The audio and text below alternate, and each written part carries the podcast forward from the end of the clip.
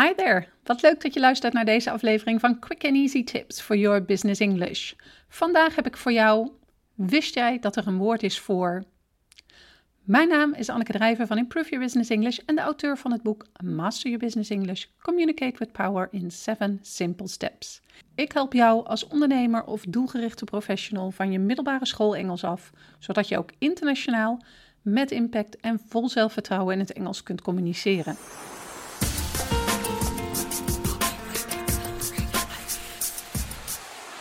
Wist jij dat de Engelse taal veel meer woorden heeft dan de Nederlandse taal?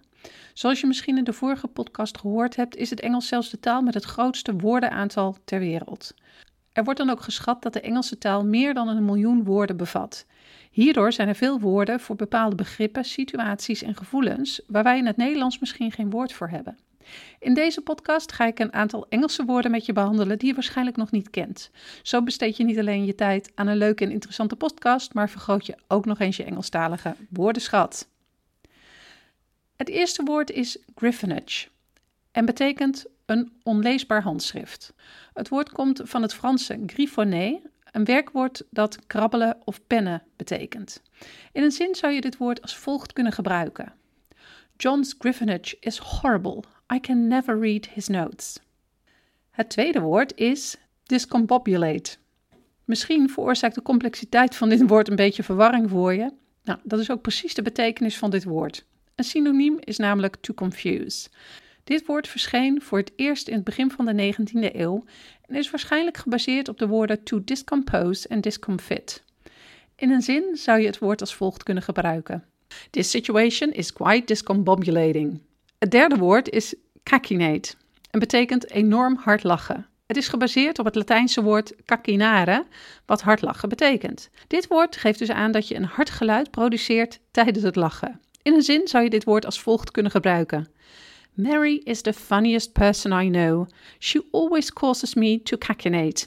Het vierde woord is fosfine, wat staat voor de sterretjes en kleuren die je ziet als je hart in je ogen wrijft.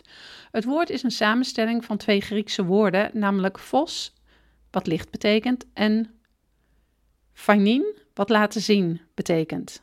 Dit woord kun je als volgt in een zin gebruiken. I rubbed my eyes and now all I see is phosphines.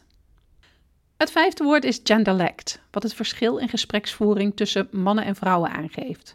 Het woord geeft aan dat er geen goed of fout of superieur of minderwaardig is tussen de twee, maar dat er simpelweg een verschil is. Net zoals dat een Nederlander en een Engelsman verschillende gespreksvoeringsstijlen kunnen hebben, kan een gespreksvoeringsstijl dus beïnvloed worden door het gender van de spreker.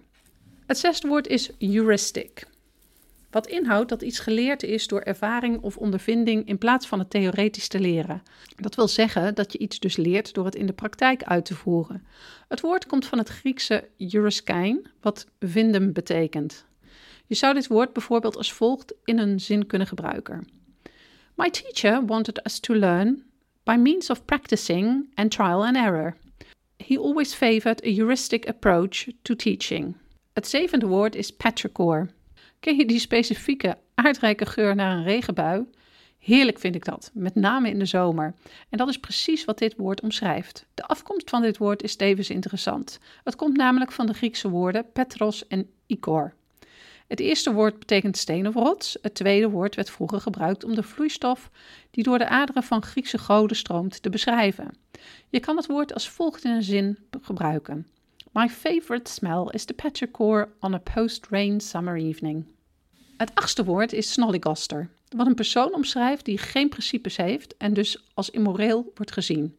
Waar het woord precies vandaan komt is onbekend, maar een van de mogelijkheden is dat het afkomstig is van het woord snellygaster, wat een oud mythisch figuur is.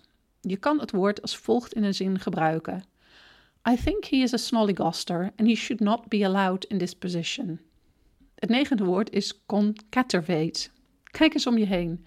Hoe ziet jouw bureau of kantoor eruit? Is het geordend of heb je allerlei papieren of objecten op hopen gestapeld? Als het laatste geval op jou van toepassing is, zou je dat kunnen omschrijven met dit woord. Het woord komt van de Latijnse woorden con, wat met of samen betekent, en catena, wat ketting of reeks betekent. Je kan dit woord als volgt in een zin gebruiken. I should really tidy up my office. I've been concatenating everything over the past few days. Het tiende woord is inquisitive, wat in het Nederlands vertaald kan worden met leergierigheid. Het betekent dus een begeerigheid naar kennis. Het woord stamt af van het Latijnse woord inquirere, wat onderzoeken of informeren betekent. Als het goed is, kun jij je identificeren met het woord. Je luistert nou eenmaal niet voor niets naar deze podcast. Je kan dit woord bijvoorbeeld op deze manier in een zin gebruiken. I've been inquisitive since I was a little kid. I just love learning new things.